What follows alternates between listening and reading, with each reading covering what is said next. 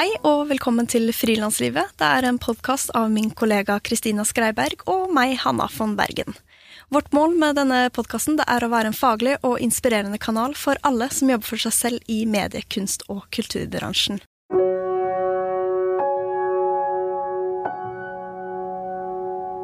Ukens annonsør det er Frilansfinans. Hvis du som frilanser har behov av å fakturere en kunde, men du ikke har et eget firma, så kan dette være løsningen for deg. De fakturerer nemlig for deg, og du mottar lønn på konto innen fem dager. Det vil si at de fikser alt med skatt, de fikser med moms, og de fikser med alt du trenger å tenke på. Og du blir da eh, på en måte ansatt i perioden du bruker frilansfinans. Jeg har tidligere jobba med frilansere som har gjort mye oppdrag for meg uten at de har hatt eget firma, og da har frilansfinans vært en veldig fin løsning. Gå inn på frilansfinans.no. Lag deg en konto i dag. Det er gratis og helt uforpliktende. Dagens gjest er dokumentarfilmskaper og regissør Håkon Mathisen, som er en av gründerne bak We er Live, plattformen for kulturstrømming. Og Håkon han har en bachelor i journalistikk og har studert musikkvitenskap og filosofi ved NTNU Trondheim. Og den siste tiden så har vi sett mange initiativ som tillater oss å oppleve konserter fra vår egen stue. Det har vært eh, lavterskelstreaming fra hjemmene med vips donasjoner og det har vært livekonserter fra ulike scener. Men når Håkon og resten av gjengen bak We Alive lagde sin egen digitale festival, som de kalte Et helt annet sted, så løftet de vårt syn på hva en livestrømmet konsert kan være. Ti artister, deriblant Aurora, Sigrid, Girl in Red og Nils Beck, fikk møte Norges dyktigste musikkvideoregissører for å gi deg ti unike konsertopplevelser. VG omtalte konserten til Sigrid som en uforglemmelig opplevelse og ga den terningkast seks. Og i en tid hvor mye har blitt snudd på hodet, er vi veldig nysgjerrige på hvordan dette initiativet vokste frem. Hvilke tanker har Håkon om fremtidens livestrømmemarked? Hva skal til for å skape virkelig gode digitale opplevelser? Og hvordan formidle den samme nerven over skjermen? Og hvordan unngå å havne i gratisfella? Hei, Håkon. Hallo. Det hele skjedde utrolig raskt. 12. mars så stengte jo regjeringen eh, ned samfunnet, og i påsken, en måned etterpå, så var det festival på nett. Det gikk jo utrolig fort. Kan du fortelle litt om uh, hvordan det hele startet? Ja, I tillegg til å drive med film, så er jeg også med å um, drive et uh, selskap som heter Oslo Lydproduksjon. Eh, hvor vi leier ut 13 eh, øvingslokaler, studiofasiliteter og såkalt preproduksjonslokaler, hvor band øver før man skal på turné. Og vi var jo egentlig fullbooka april-mai med de, mange av de artistene som skulle ut på sommerturneer, ikke sant. Så var det da Simen hos oss ringte og, og den tolvte og var gira og sa du, det her kommer til å påvirke oss, vi må gjøre noe. Um, og så er det da Jonas hos oss, han er også hobbyprogrammerer og trommis. Og han sa bare ok, jeg begynner å lage en streamingtjeneste. Så det var sånn det starta. Veldig mm, handlekraftig. Jeg gikk i total panikk. Mens dere gikk i total liksom, beredskap og kjørte på med initiativ. Jeg følte den der første, altså den helga der, det var helt insane. Det var, altså, da, da snakker jeg sånn for Kultur-Norge, fordi vi hadde jo Hele Kultur-Norge hadde jo fått beskjed om at nå, må, nå skjer ingenting. Eh, og alle inntekter framover for, for, konsertvirksomhet, ikke minst, da, er, er, borte. Men det var ikke noe snakk om noen form for løsninger. Så den på en måte eh, De telefonene og det trøkket den helga hvor alle i hele Musikk- og Kultur-Norge ringte rundt til hverandre og sa ok, hva gjør vi nå? Hvordan, eh, hva slags løsninger kan vi finne på for å overleve? Det var ganske insane å være med på. Mm. Hvorfor startet dere strømmeplattformen Via Live? Det handler jo litt om det at vi ville Vi syntes det var synd at, å se at ehm, eh, ting skulle skje på Facebook og YouTube på sikt.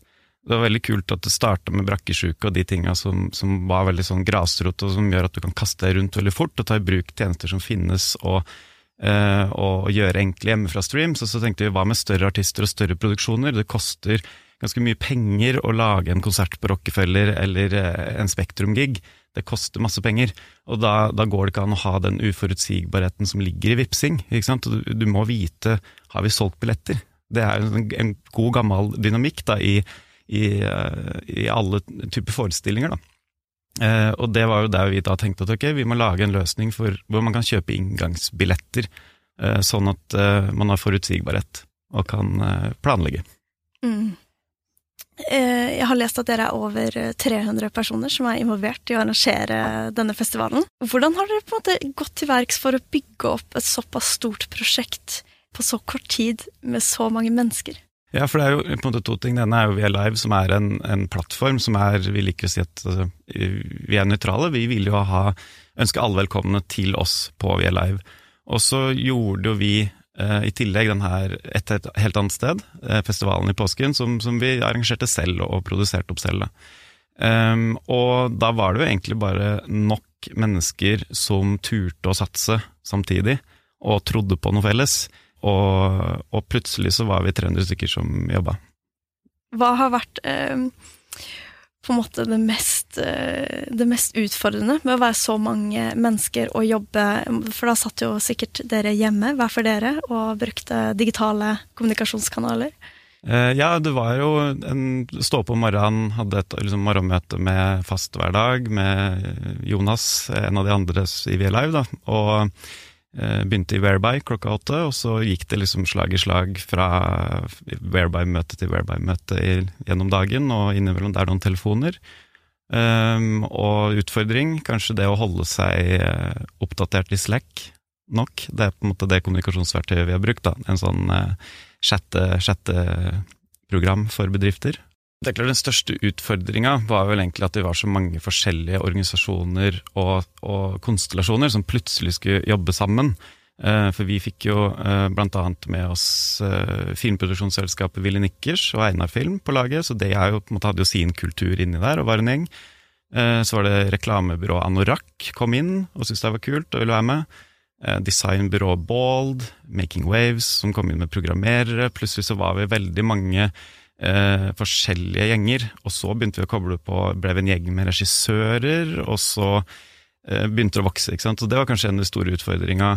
Eh, og det her er sikkert noe som eh, folk som studerer eh, organisasjonsutvikling og sånne type ting på BI, eh, sikkert vil humre litt av. For det er, det er liksom, jeg følte at alle de problema og ting vi støtter på der, eh, er jo ting som jeg føler som jeg har lest artikler om i Dagens Næringsliv. på en måte, Sånne der, voksesmerter og, og kommunikasjon på tvert av siloer og sånne type ting. Men jeg følte jo egentlig var veldig flinke der eh, til å passe på at eh, f.eks. ting skjedde mest mulig åpne fora. da at uh, mest mulig informasjon hele tida bare lå åpent i, i åpne Slack-kanaler, f.eks. Og, og prøvde å ha minst mulig kommunikasjon på mail og direktetelefoner og sånne type ting. Da. For det er deg, og så er det mm, to andre som uh, satte i gang prosjektet. Stemmer. Og så eh, hadde dere jo det her eh, studioøvingslokalet, så dere hadde jo liksom tilgang på artister. Eh, og sikkert da litt nettverk innenfor film og kameraproduksjon. Men så når dere liksom har gått forbi deres eget nettverk, hvordan gikk dere ja, hvordan bygde dere prosjektet? Går det an å liksom forklare litt hva de viktigste stegene dere tok? Ja, da tenker du på et helt annet sted, altså mm. den festivalen. Um, ja, vi bestemte oss jo for at um, eh, ok, vi skal ha ti artister, så vi tok et valg på det, og så skal det være fem dager. Og så var vi alle liksom, ok, når skal vi gjøre det? Påsken er jo begynner å lyse opp som et sånn veldig sånn saklig alternativ, men det var jo liksom da på det tidspunktet tre uker til, eh, eller om det var mindre til og med. Eh, Men så sa vi at nei, vi kjører, vi gjør det. Vi, vi, vi kjører på med påsken. Og da, da ringte også ringte vi Kristoffer Lo, eh, musiker og en veldig fin fyr, som, eh, og henta han inn som festivalsjef. Um, og så dro han med inn eh, et par til som han ville ha med på sitt lag, og så bygde det seg liksom litt sånn at vi ringte rundt deg, vil du være med, du er en bra person, du tror vi kan gjøre den tingen. Ja, det er kult, eh, jeg vil også ha med den personen, og så på en måte vokste du ut, da. Um, mm. Ja. Jeg syns det er eh, supermotiverende. Eh, fordi ofte så er det jo en ganske sånn treig prosess med å sette i gang med ting. Man har en idé, og så går man kanskje og knar på den ideen en stund, og så driver man og snakker litt folk, og så setter man seg ned og har noen planleggingsmøter, og så vokser det jo sakte og sikkert. Jeg og Kristina vi hadde vårt første møte et halvt år før vi publiserte podkasten. Mens dere kjørte i gang eh, med en femdagers festival en måned etter mm. Eh, start. Så mm, det er veldig spennende å høre om. Jeg, må, altså jeg må, kan ikke få gitt nok kred her, da, også til, eh, til de som da har turt vært med å hoppe. ikke sant? Sånn, eh, Torgeir Virdal og gjengen hos Anorak og alle de folka der, og også Guri Neby hos Einar Film, og hele den gjengen der, på en måte. Og det å tørre å bare tro på oss tre gutta som har lagd en streamingtjeneste på én uke, på en måte, og så se det her og bli med, det, det, alle, de, det har vært en veldig viktig faktor oppi der, da. At eh, noen har turt, å noen voksne også, hvis man kan si det, har turt å være med og hoppe. da. ja, det er veldig deilig når det skjer. Fordi på det tidspunktet hadde dere noe sånn uh, Dette er det vi ser for oss av uh, på en måte antall arbeidstimer, og dette er uh, honoraret vi har tilgjengelig. Altså, hadde dere noe budsjett, eller var det bare sånn tut og kjør? Litt tut og kjør, men alt, alt skjedde underveis, da. Så det var jo, det var jo noen stakkarer oppe på Eh, Istedenfor å si stakkar, kan jeg kanskje si helter oppe på, på, hos Willy Nikkers, da, på filmproduksjonsselskapet, som, som sto for budsjetteringa og den biten av, av de filmproduksjonene vi gjør i påsken. da.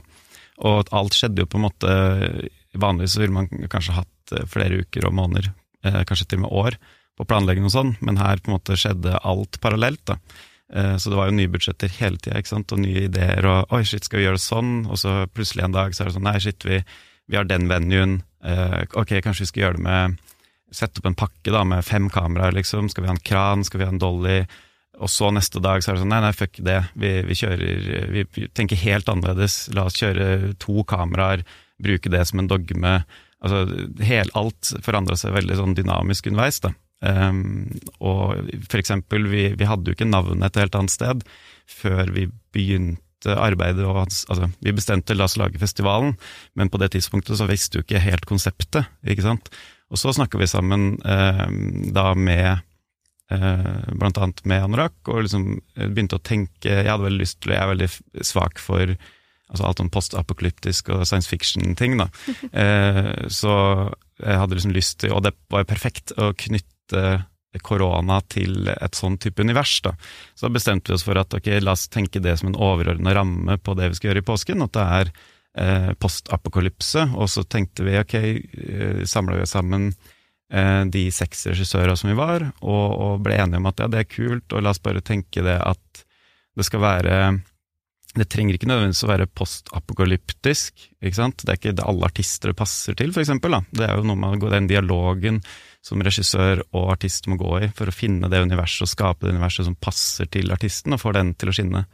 Eh, men da ble vi enige om at okay, la oss tenke som en overordnet ramme at det skal representere en alternativ eh, framtid eller alternativ virkelighet. Da.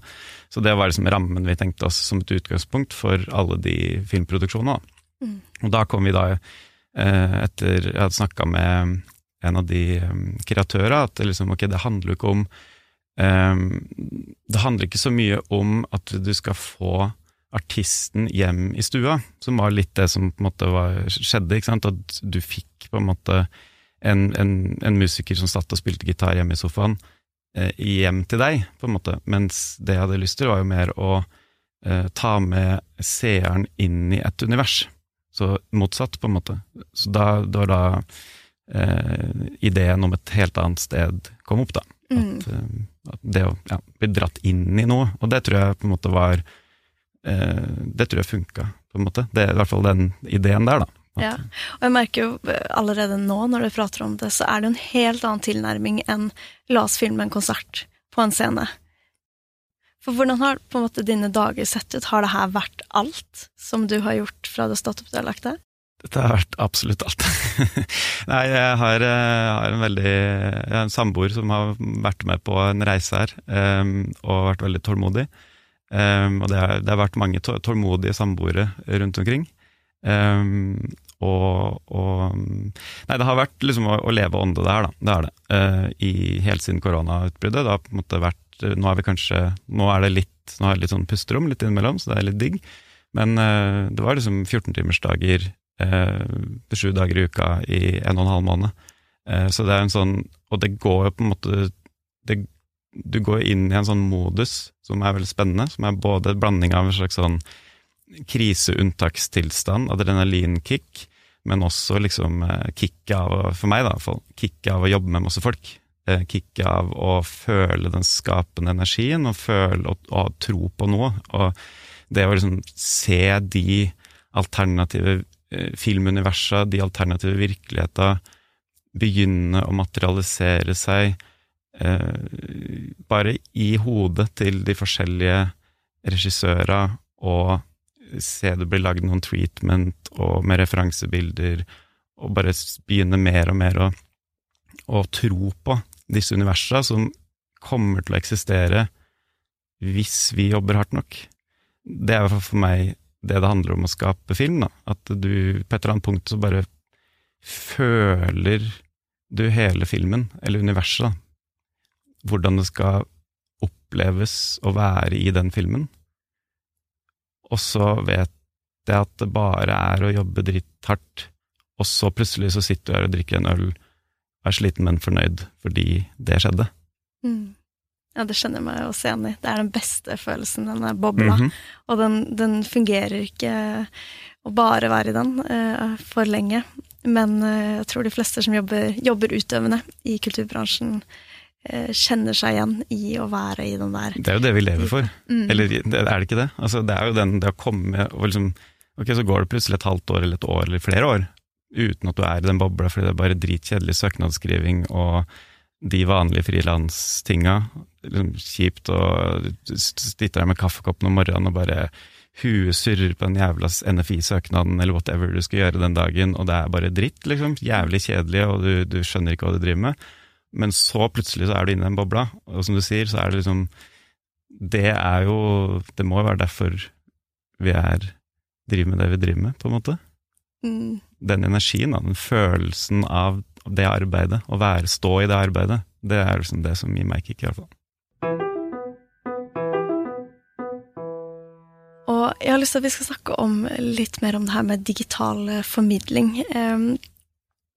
Og du var jo litt inne på det, men i din mening, hva syns du skiller en skikkelig god strømma konsert fra en dårlig en? Ja, nå, det her blir jo min mening, da. Og jeg tror det er forskjellige forskjellige stiler. Eh, begynner, har nok liksom forskjellige eh, Forskjellige typer publikum har nok forskjellige ideer om hva de vil ha, da. Eh, men for meg så handler det først og fremst om at så fort du ser noe på en skjerm, så er det jo en, en filmproduksjon. Og det å approache det Og det er jo en, en kunstform i seg selv. Så hvis du tror at Altså, det er misforstått å tro at du bare kan filme f.eks. et band som står på en scene vendt mot en sal uten publikum, eh, og tro at det skal bli interessant. Eller kan bli interessant hvis du gjør det på en veldig bevisst og kul måte. Det som skjer, er jo at Det er jo i dynamikken mellom Altså energien i møtet mellom publikum og artisten det vanligvis skjer. Det er der magien i en konsert ligger, i den usynlige veggen eh, som er mellom publikum og, og, og bandet, eller artisten. Um, og når du fjerner publikummet, så fjerner du den usynlige veggen, på en måte, eller da sitter du igjen med ingen energi der, da. Og da må du bruke, uh, bruke filmspråket for å skape den enten nærheten eller energien på en annen måte. Og det, det, er jo der på en måte eh, det ligger, da, føler jeg. For eksempel, altså, enkle triks kan være sånn som å, å bare begynne med å bruke rommet, ikke sant. Eh, det er ikke alle Det er jo nest Altså, de fleste streamingkonserter må jo gjøres på relativt begrensa budsjetter. Så da handler det bare om å være litt sånn ok, hvordan kan vi hva vil vi formidle til seeren? da? Er det en, en veldig intim ting, eller er det en veldig Eh, skal det være en, liksom, masse energi, eller hva, hva er det vi vil si her, da?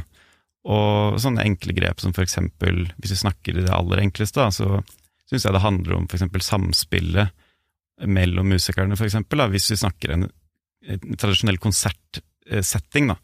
Eh, det ideelle er jo på en måte å skape noe helt nytt og stort og lage et filmatisk univers, men få Eh, still, still musikerne i en sirkel, for eksempel. Eh, putt de ute i salen, ikke la de stå på scenen. Gjøre sånne små grep da, som i hvert fall gjør at det blir noe annet enn følelsen av at det er en annenrangsløsning. Mm, ja, at man ikke bare filmer det som man hadde sett, og så blir det bare digitalt istedenfor å være fysisk. Og det er jo det som um, har vært så kult med uh, de konsertopplevelsene uh, i deres festival, har jo også vært det her at man bruker det at det er digitalt, uh, til en fordel snarere enn en ulempe. Ja, ikke sant? At det er sånne enkle ting som at du, kan, du har en, en chat, for eksempel, hvor artisten kan delta i den underveis. Sånn som eh, Emilie Nordenberg som regisserte Sigrid, for eksempel, som du nevnte. Der, der, var jo det et grep, og den var jo ganske eh, I store deler av den var jo veldig eh, enkel og nær og nedpå. Ikke? Sigrid som sitter alene i en sofa. Eh, med eh, en smarttelefon i hånda og deltar i chatten mens publikum sitter og ser på, eh, og, og, holder det i mange minutter. Og det er interessant, også fordi det er live. Det er noe eget med det der live-elementet da, som adder uansett en energi, da, Um, som gjør at um, de det er, det er ett grep som funker, da, for eksempel. Det, mm. å, å gi, gi følelsen at dette er nå, og at du kan kommunisere. Men så trenger det ikke å være det heller. Det trenger ikke, du trenger ikke å ha artisten At det er faktisk er, noe, er direkte kommunikasjon nødvendigvis heller. Men da må du liksom gjøre andre grep da, som er, liksom, skaper en følelse. Mm. Jeg så konserten med Frida Åndevik, og der var det jo um, at hun, hele konserten starta utenfor konserthuset. Og så uh, beveger man seg inn i løpet av en låt inn i konserthuset, man går forbi en danser, og så er det Når hun først kommer opp på scenen, så filmes hun sånn at ryggen står til publikum. Og det var også veldig fint, for da ser man jo masse tomme seter, men det er, man bare snur litt på det, og skaper en annen type opplevelse enn den der klassiske konsertopplevelsen som man forventer seg. Ja, eller da sånn som eh, Girl in Red, da, som Erika Kalmeier regisserte, som, som, skjedde på en bru ute på Sørenga, liksom. Den der avstengte bilbrua der med flammekaster og brennende bil. Eh, det er også ting man kan gjøre, ikke sant. Mm. Hva, har det, hva, har vært det morsomste i liksom, denne konseptutviklingen, eh, den fasen, med å finne steder og regissører? Nei, jeg synes for min del så har det morsomste vært der å få jobbe med den gjengen. fordi som, som regel så er det jo igjen veldig, ganske ensomt på en måte som regissør. Eh, eller uansett kreativt yrke, på en måte.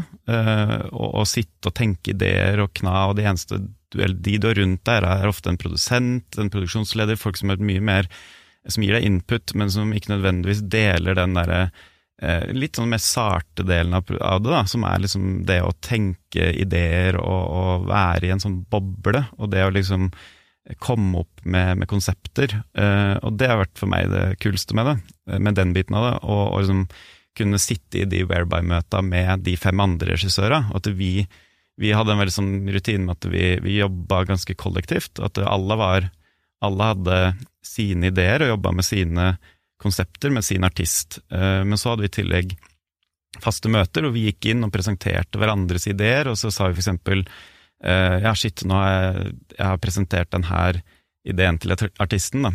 Eh, men, men artisten likte ikke ideen. Ok, shit, nå må jeg omstille meg igjen og finne på en ny idé, og da er det greit å kunne kaste litt ball. Så det har vært veldig fint, da.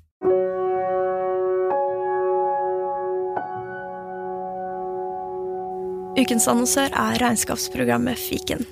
Jeg har brukt fiken i mange år nå, lenge før denne podkasten, og grunnen til at jeg bruker fiken, er fordi det er en veldig enkel måte å føre sitt regnskap på. Nå er det jo tid for næringsoppgave, og det er jo en ganske slitsom oppgave for de fleste av oss frilansere, men Fiken har gjort det veldig enkelt, så man går inn, de samler alle tallene som du har lagt inn, og de guider deg steg for steg gjennom oppgaven. Og så kan du sende det direkte via fiken til Altinn, og gå inn der og godkjenne. Det er enkelt, og det er deilig. Så takk, fiken. Du kan prøve gratis i 30 dager på fiken.no.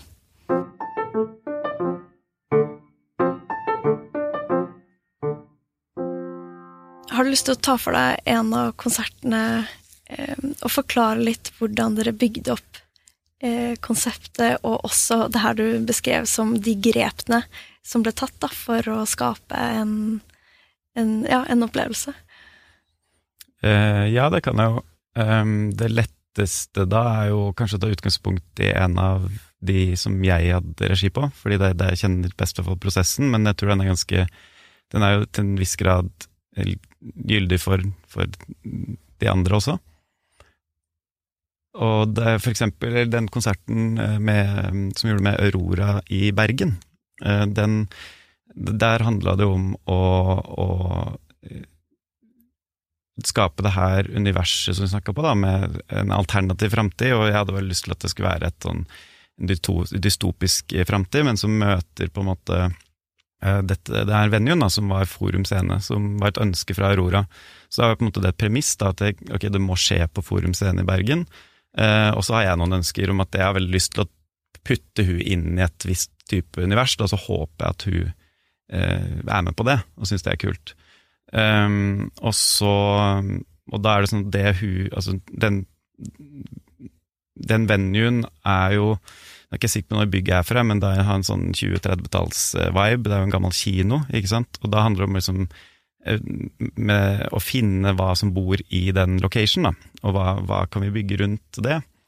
Um, og så i tillegg tenke hvordan kan vi lage en utvikling i konserten som gjør at i løpet av den timen cirka det varer, så, eh, så får du noen dramaturgiske vendinger, da, noen punkter hvor du blir dratt videre i, eh, i nye retninger, da og kanskje noen overraskende retninger.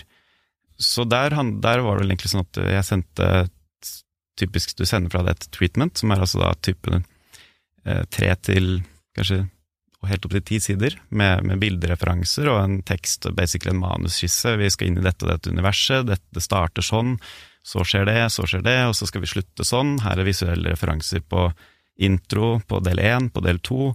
Eh, her er referanser på kostyme. Eh, Si fra hvis du liker det eller ikke, liksom.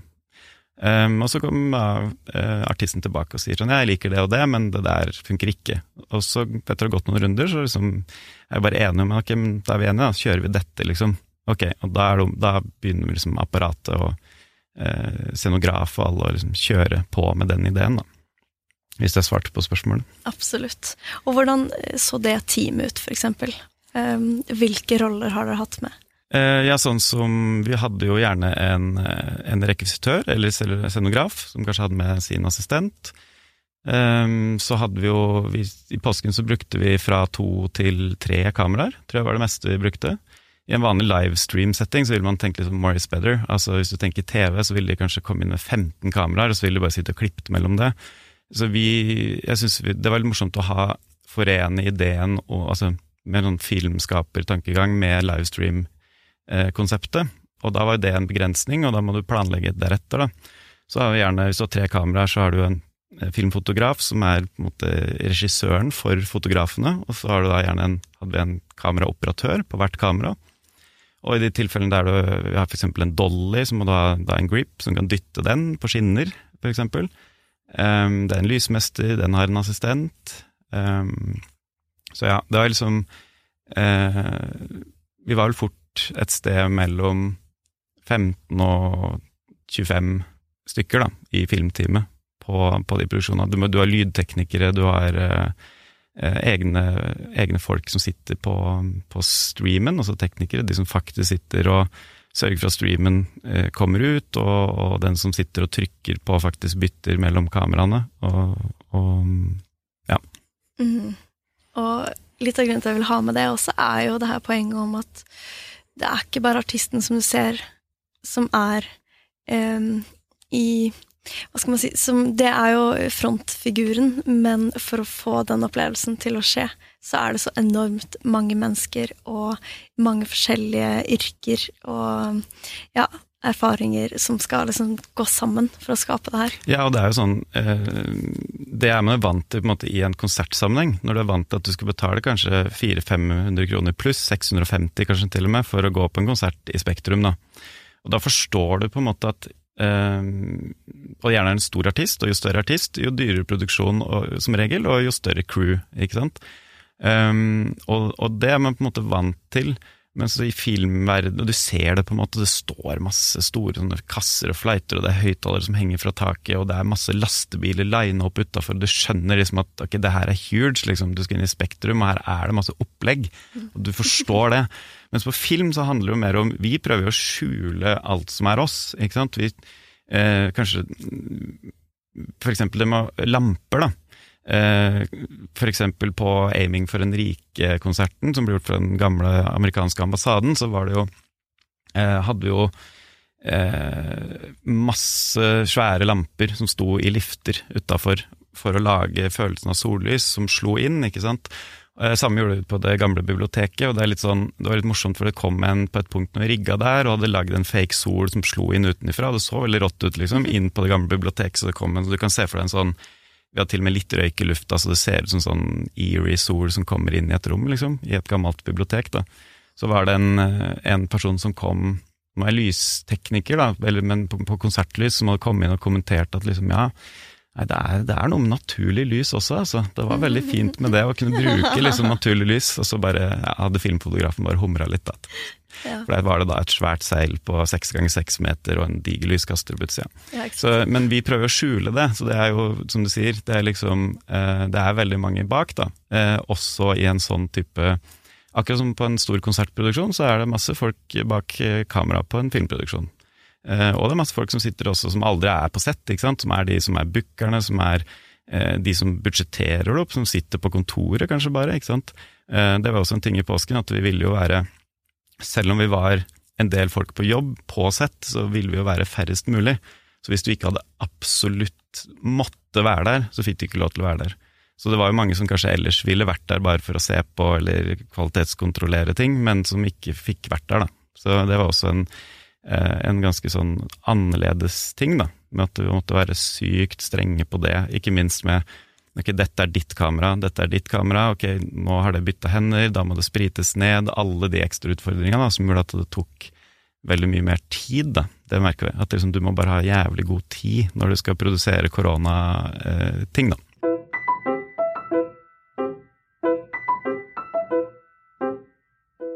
Samfunnet åpnes jo opp eh, steg for steg, og, og Eh, vi har jo alle tatt noen heftige skritt i forhold til det å jobbe på nett. Um, og videomøter, det er jo de fleste vant til nå, og konsumering av kultur på nett. Men hvordan tror du altså denne perioden vil påvirke fremtidens strømmemarked? Jeg tror jo at i hvert fall det med uh, en sånn type produksjoner som vi gjorde i påsken, som er på en måte en, en, det å, å, lage en, en livesendt musikkvideo, egentlig, som varer like lenge som en konsert, omtrent. Det, det, er en ting som, som, i hvert fall vi kommer til å gjøre mer av, og vi, hvor vi er i gang med nye prosjekter, og, og hvor, som, som, er en ny ting, som jeg føler er et nytt produkt eh, som har oppstått. Og så er det det med at eh, nå har jo folk lært seg å, å, å se på livestreaming. Altså, da mener jeg ikke altså, Gamere har jo bodd på internett i, i to tiår allerede, og sittet på Twitch og, og, og, og, levd livet sitt der. Eh, de som har lært seg å se på det nå, er jo også foreldra våre og alle andre som ikke kanskje ellers har sittet og liksom sett på livestreams på nett, men sett på TV. Så det er veldig mange som er, opplært nå i at det går an, og det betyr også at det går jo an å selge eh, Altså, et konsertlokal er jo ikke fullt lenger når det er fullt. Det er en ny ting, og det, det skulle forundre meg om ikke er en ting som, eh, som Venua tar med seg videre også etter korona. At du kan legge ut enten uendelig eller et begrensa antall ekstra billetter. Du kan også kanskje eh, Ja, man kan kjøpe tilgang til opptak av konserten, og det er, det er masse sånne ting så, som mm. man kan gjøre. Mm. Og her valgte dere jo faktisk å ha eh, Sigrid og Aurora var bare live. Og de andre det var også live, men de kan man se opptak av eh, nå i ettertid, men ikke de. Det er jo sikkert litt sånn avtaler og hva som er lov og ikke. Eller hva kom den, den avgjørelsen? Hva er den basert på? Ja, det, nå må jeg også si at sånn som I forhold til det da med påsken, så må jeg jo si beklager til de som, som ikke fikk sett eh, sånn som f.eks. Sigrid og Aurora. Det var en del folk som trodde de kunne se det i opptak, men, men, så hadde vi ikke rettigheter rett og slett til å vise det i opptak, og, og hadde vel ikke vært helt flinke nok, eller vi hadde ikke vært flinke nok til å ha det i krigstyper stort at det, det ikke kom til å være tilgjengelig. Så, så, det fikk vi litt hate for, men jeg fant jo også en løsning hvor, kunne, hvor vi satte opp en ny dag hvor det ble vist igjen i løpet av en 24-timersperiode, så det var mange som likte det. Eh, men det er jo det at det er jo ganske nytt, det her. Så det er jo, og det er jo plateselskapene sant, som sitter alltid, som sitter på rettighetene. Og, og, det er en helt annen ting å ha noe live og ha noe i opptak, som du kan se på. Det er bare to, to forskjellige juridiske greier, på en måte. Eh, så det er det. eh, Vanskelig å ha så mye nye ting å forholde seg til. Ja, ja, så det er jo sant, sånn typisk nå, har, nå skjedde det kjempefort, kom det en endring, eh, og så i de Excel-arka så er det liksom en ting som heter liveshow, og det er greit, liksom. Og så er det en helt annen ting som er eh, video on demand, liksom. Eh, og det, det er liksom, de to tinga er så forskjellige at da det, Ofte så er det enklere på mindre artister, hvor du bare ringer liksom rett til 'halla, du, er det greit om det opptaket ligger ute, eller hadde det ikke vært kult?' Jo, jo, kjør på, liksom, det er fett. Den kan du ta med de små labelsa, men så fort det er Plutselig så har du liksom noen internasjonale eh, labels inn i bildet, og da blir sånne ting mye mer komplisert, da, har vi, har vi jo lært. Ikke at vi ikke liksom visste om det, men vi har i hvert fall merka det nå også, da. Eh, men en annen ting er jo at det er jo er jo En sånn ting som vi har tenkt nå, er jo at det er jo egentlig litt kult også at ting bare er eksklusivt live. For det er noe som jeg sa med den energien i å se det live, syns jeg i hvert fall, da, som er helt unikt. Som gjør at, uh, at noen ting kanskje bare skal være live, uh, og ikke komme som opptak. Kanskje skal komme opptak, som opptak om to år, på en måte. Og så var det noen, noen, Det er jo som en konsert ellers, liksom. Ja. Men det her er ting som de driver egentlig og prøver å finne ut av nå. Hva er, hva, er, hva er, det naturlige, på en måte? Er det naturlig at det, du skal kunne se det når du vil, eller live, eller ja. Mm. Det er jo noe spesielt når det bare er live, fordi da er ikke alt tilgjengelig hele tida når det passer en. Og da er man jo Man vet at man sitter og ser på Det man sitter og ser på, sitter alle andre og ser på samtidig. Det er, noe, det er en, en slags Det er en kollektivistisk følelse der som, som, tilfører uten tvil noe ekstra, da. Det er det. Mm.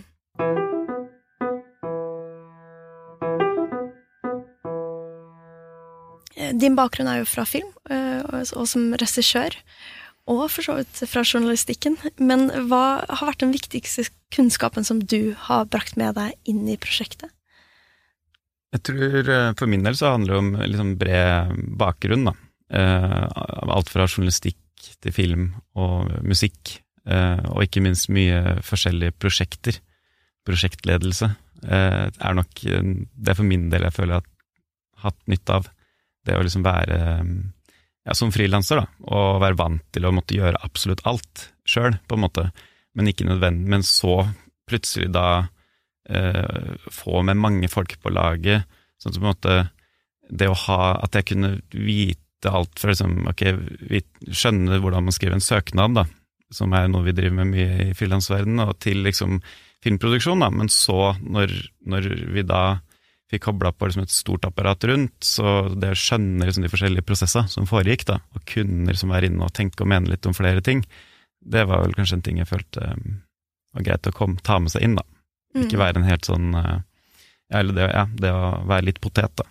Ja, og det er kult du sier også, for det er jo Man kan fort føle seg eh, så, Altså, når man føler seg som en potet, så kan man fort føle at man har litt for lite av alt, istedenfor at man har noe av alt. At det å være ekspert er litt det som er etterlengta. Um, og det er kult at du At ja, det var en styrke i det prosjektet å faktisk ha den brede bakgrunnen. Ja, Det var sånn deilig kanskje å kjenne på, for akkurat det du sier der, er jo ting som, som jeg også tenker på innimellom. Sånn, du vet sånn Å bruke energien min riktig, bruke tida mi riktig når jeg driver med så utrolig mye forskjellige ting. Eh, men kanskje bare skulle gjort den ene spesifikke tingen. Eh, men det er jo der et sånn, et sånn prosjekt som det her oppstår, da. Og det er kanskje det kule eh, å ha følt på, at det oppstår jo fordi det er en eh, konstellasjon med noen folk som, eh, som, er litt poteter, på en måte. Og da kan vi gjøre veldig mye veldig fort. Um, så det, det, er kanskje en sånn um, potetprosjekt, sånn sett. det er fint. Ja, for det, man vil jo koble på folk og eksperter og sånn, men det er jo det der med å kunne um, bevege et prosjekt ganske fort framover, og da eventuelt gjøre noe sjæl. Fordi man ser at ok, men det er mer fordelaktig at jeg faktisk gjør noe, enn å på en måte, ja, ansette noen til å gjøre det akkurat den biten. Mm. Eh, og det, i sammen med denne podkasten så har vi også gått veldig sånn eh, Gjort egen nettside, gjort egen logo. Eh, Der har du det, ikke sant? Ja. Det er en logo. Bare det liksom, ja, kunne litt Photoshop, InDesign, Illustrator, altså alle de Det har alle liksom, Jeg kunne klippe litt film, kanskje. liksom Klippe lyd. Tenke, Det er et sånn prosjekt, digitalt prosjekt, egentlig. Det er jo det dere driver med her òg. Mm. Du kunne jo ja, tatt med deg det inn i et annet prosjekt og, og hatt liksom en sånn potetkunnskap som da kan være veldig bra. Da. Ja.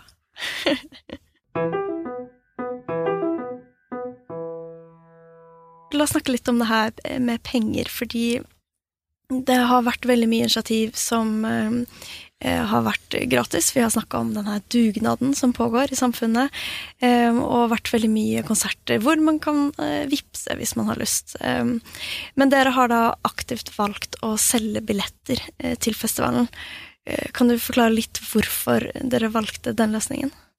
Det handler jo om tanken om bærekraft, egentlig, for, for kulturbransjen. At når det er Én ting er de trivelige hjemmefra-streamsa som skjedde veldig fort og spontant, og hvor, var, du vippsa rett til en eller annen musiker, men som du sa, når du skal koble på større apparat, og det skal være kanskje 50-100 stykker på én produksjon som skal jobbe med å få til den eh, konserten, eller om det er en en type live musikkvideo, eller hva det er, eh, da, da, da må kulturen koste. Det er jo ikke en ny ting, det her er jo sånn, et gammelt saying på en måte i kulturbransjen egentlig, at kultur er ikke gratis.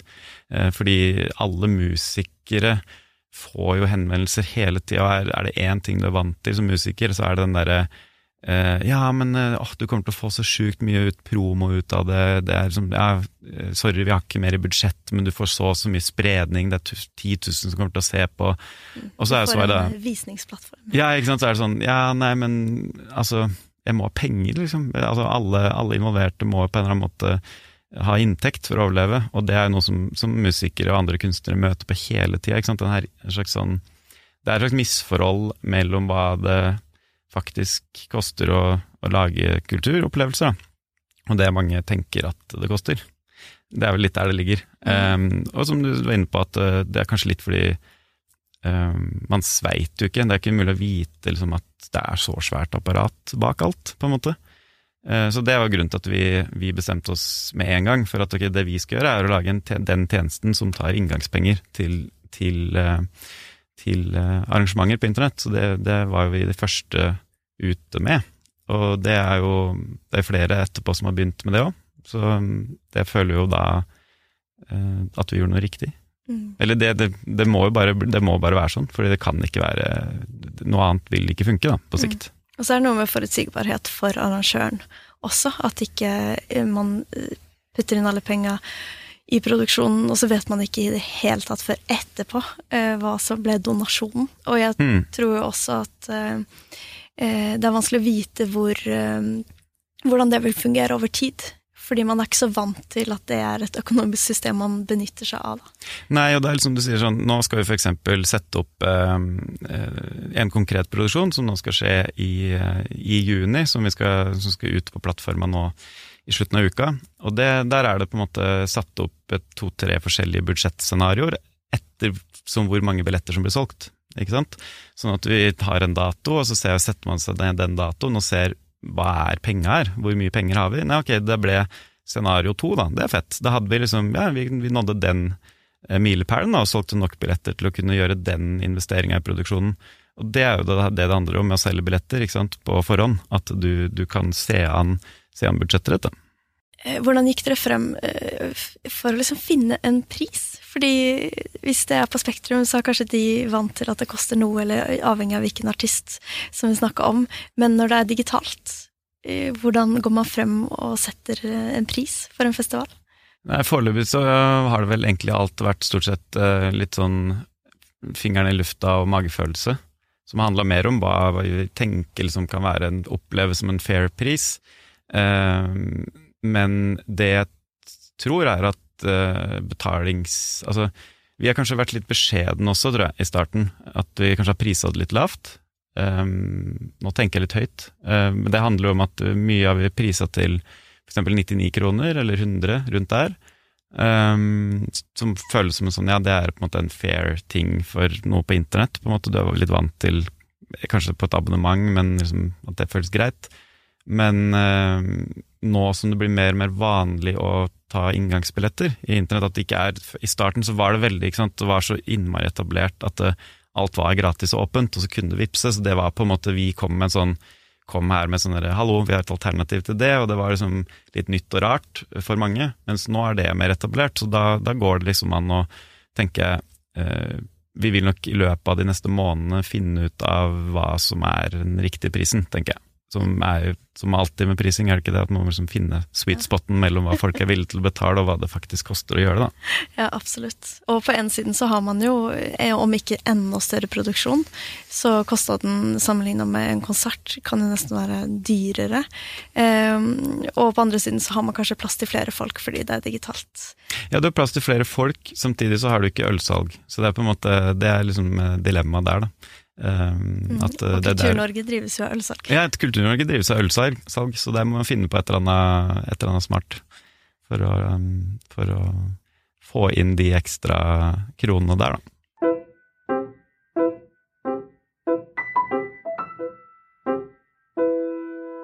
Via Live er jo ikke bare denne festivalen, det er jo en plattform for uh, live strømming. Så kan du fortelle litt om hvordan fremtiden for Via Live ser ut? Uh, ja, jeg kan ikke si Jeg kan jo ikke spå sånn uh, Veit jo ikke sånn uh, konkret hva som skjer. Uh, noen ting vet jeg. Uh, vi jobber jo bare på nå, uh, beinhardt, med å videreutvikle det både som plattform, men også ikke minst få inn stadig flere samarbeidspartnere. altså i form av alt fra konsertscener og det å få inn eksterne produksjoner fra band som vil være og ha konserter på plattforma. Så akkurat nå så handler det jo veldig mye om det, og, og, og egentlig det er en overgangsfase nå hvor vi går fra hvor vi kaster oss rundt og bare ok, vi må gjøre noe kjempefort, til nå å prøve å profesjonalisere oss litt. da. Eh, det har vært mye armer og bein, men nå handler det om vi har henta inn en daglig leder, og vi har noen veldig flinke og fine folk som jobber på hver dag nå med å lage systemer eh, sant, rundt flyten av en booking, vi, enten om vi henvender oss til noen, eller noen som kommer til oss, hvordan følger vi opp det gjennom hele liksom, den reisa til det publiseres, eh, rapportering i etterkant, utbetaling av penger Alt det der eh, egentlig som ligger i bunn, det er det vi jobber med nå. Så eh, jeg tror egentlig framtida for We Live ser ut som eh, mer forskjellig innhold, kan vi egentlig si. Alt fra teater til musikk og dans og, og hele kulturfeltet.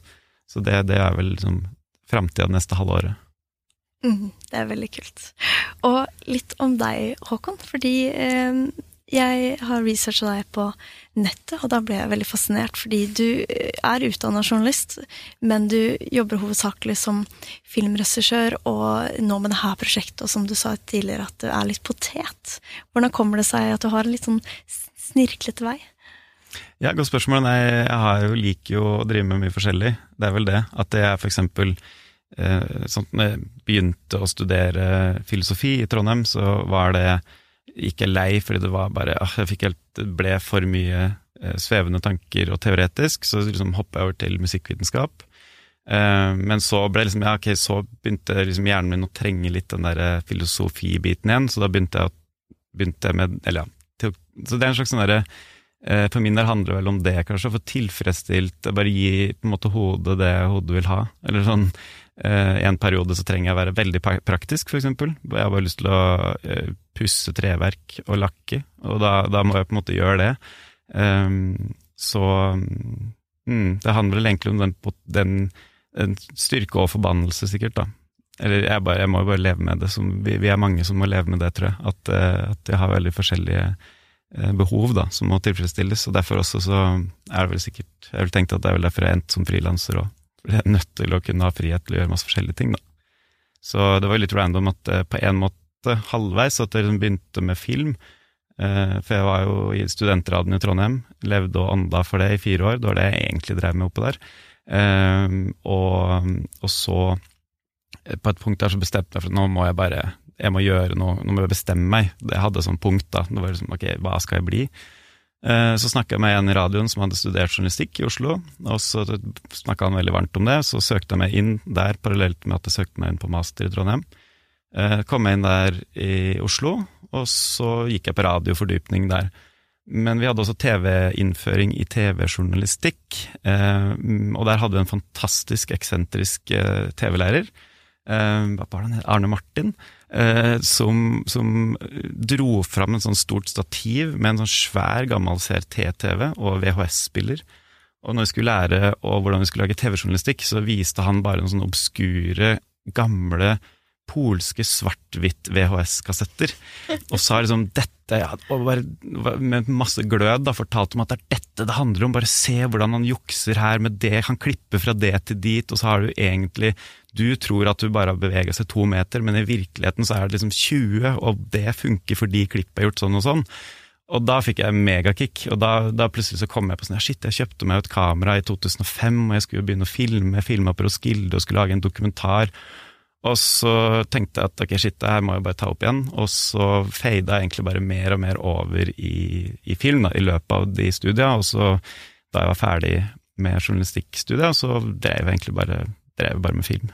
Så det var en, en fantastisk, eksentrisk eh, TV-lærer som skal ha mye av den æren, i hvert fall. Det er veldig fint. Det er, det er veldig fint når hjertet kan lede, lede veien.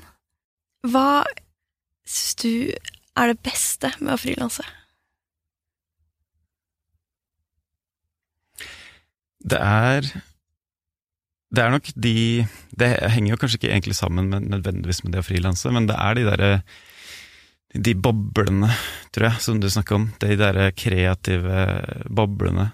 Å dykke inn i de, og det å kunne, kunne ha friheten til å, å gjøre forskjellige ting. Det å kunne um, både gjøre noe praktisk den ene uka, for det er det jeg trenger, og så liksom neste uke sitte og jobbe med å skrive noe greier. Og så kanskje at jeg sitter på Blindern i tre uker og leser bøker og noterer til et dokumentarprosjekt. Blir drittlei det. Og så skru noen planker eh, i øvingslokala vi driver. Eh, det er i hvert fall min metode, og, og, så det er det beste med frilanser for meg. At jeg, har, eh, at jeg får tilfredsstilt alle de forskjellige behova som jeg har. Eh, alt fra det praktiske til det filosofiske og svevende, på en måte. Jeg vet ikke om jeg hadde fått alt det der i en fast stilling noe sted. Jeg har ikke sett den utlysninga, i hvert fall. Så det handler vel om det at jeg da bare har, som mange andre, har skapt min egen eh, arbeidsplass, som bare har de elementa som jeg trenger for å leve. Mm. Tusen takk for at du kom hit. Takk for at du fikk komme.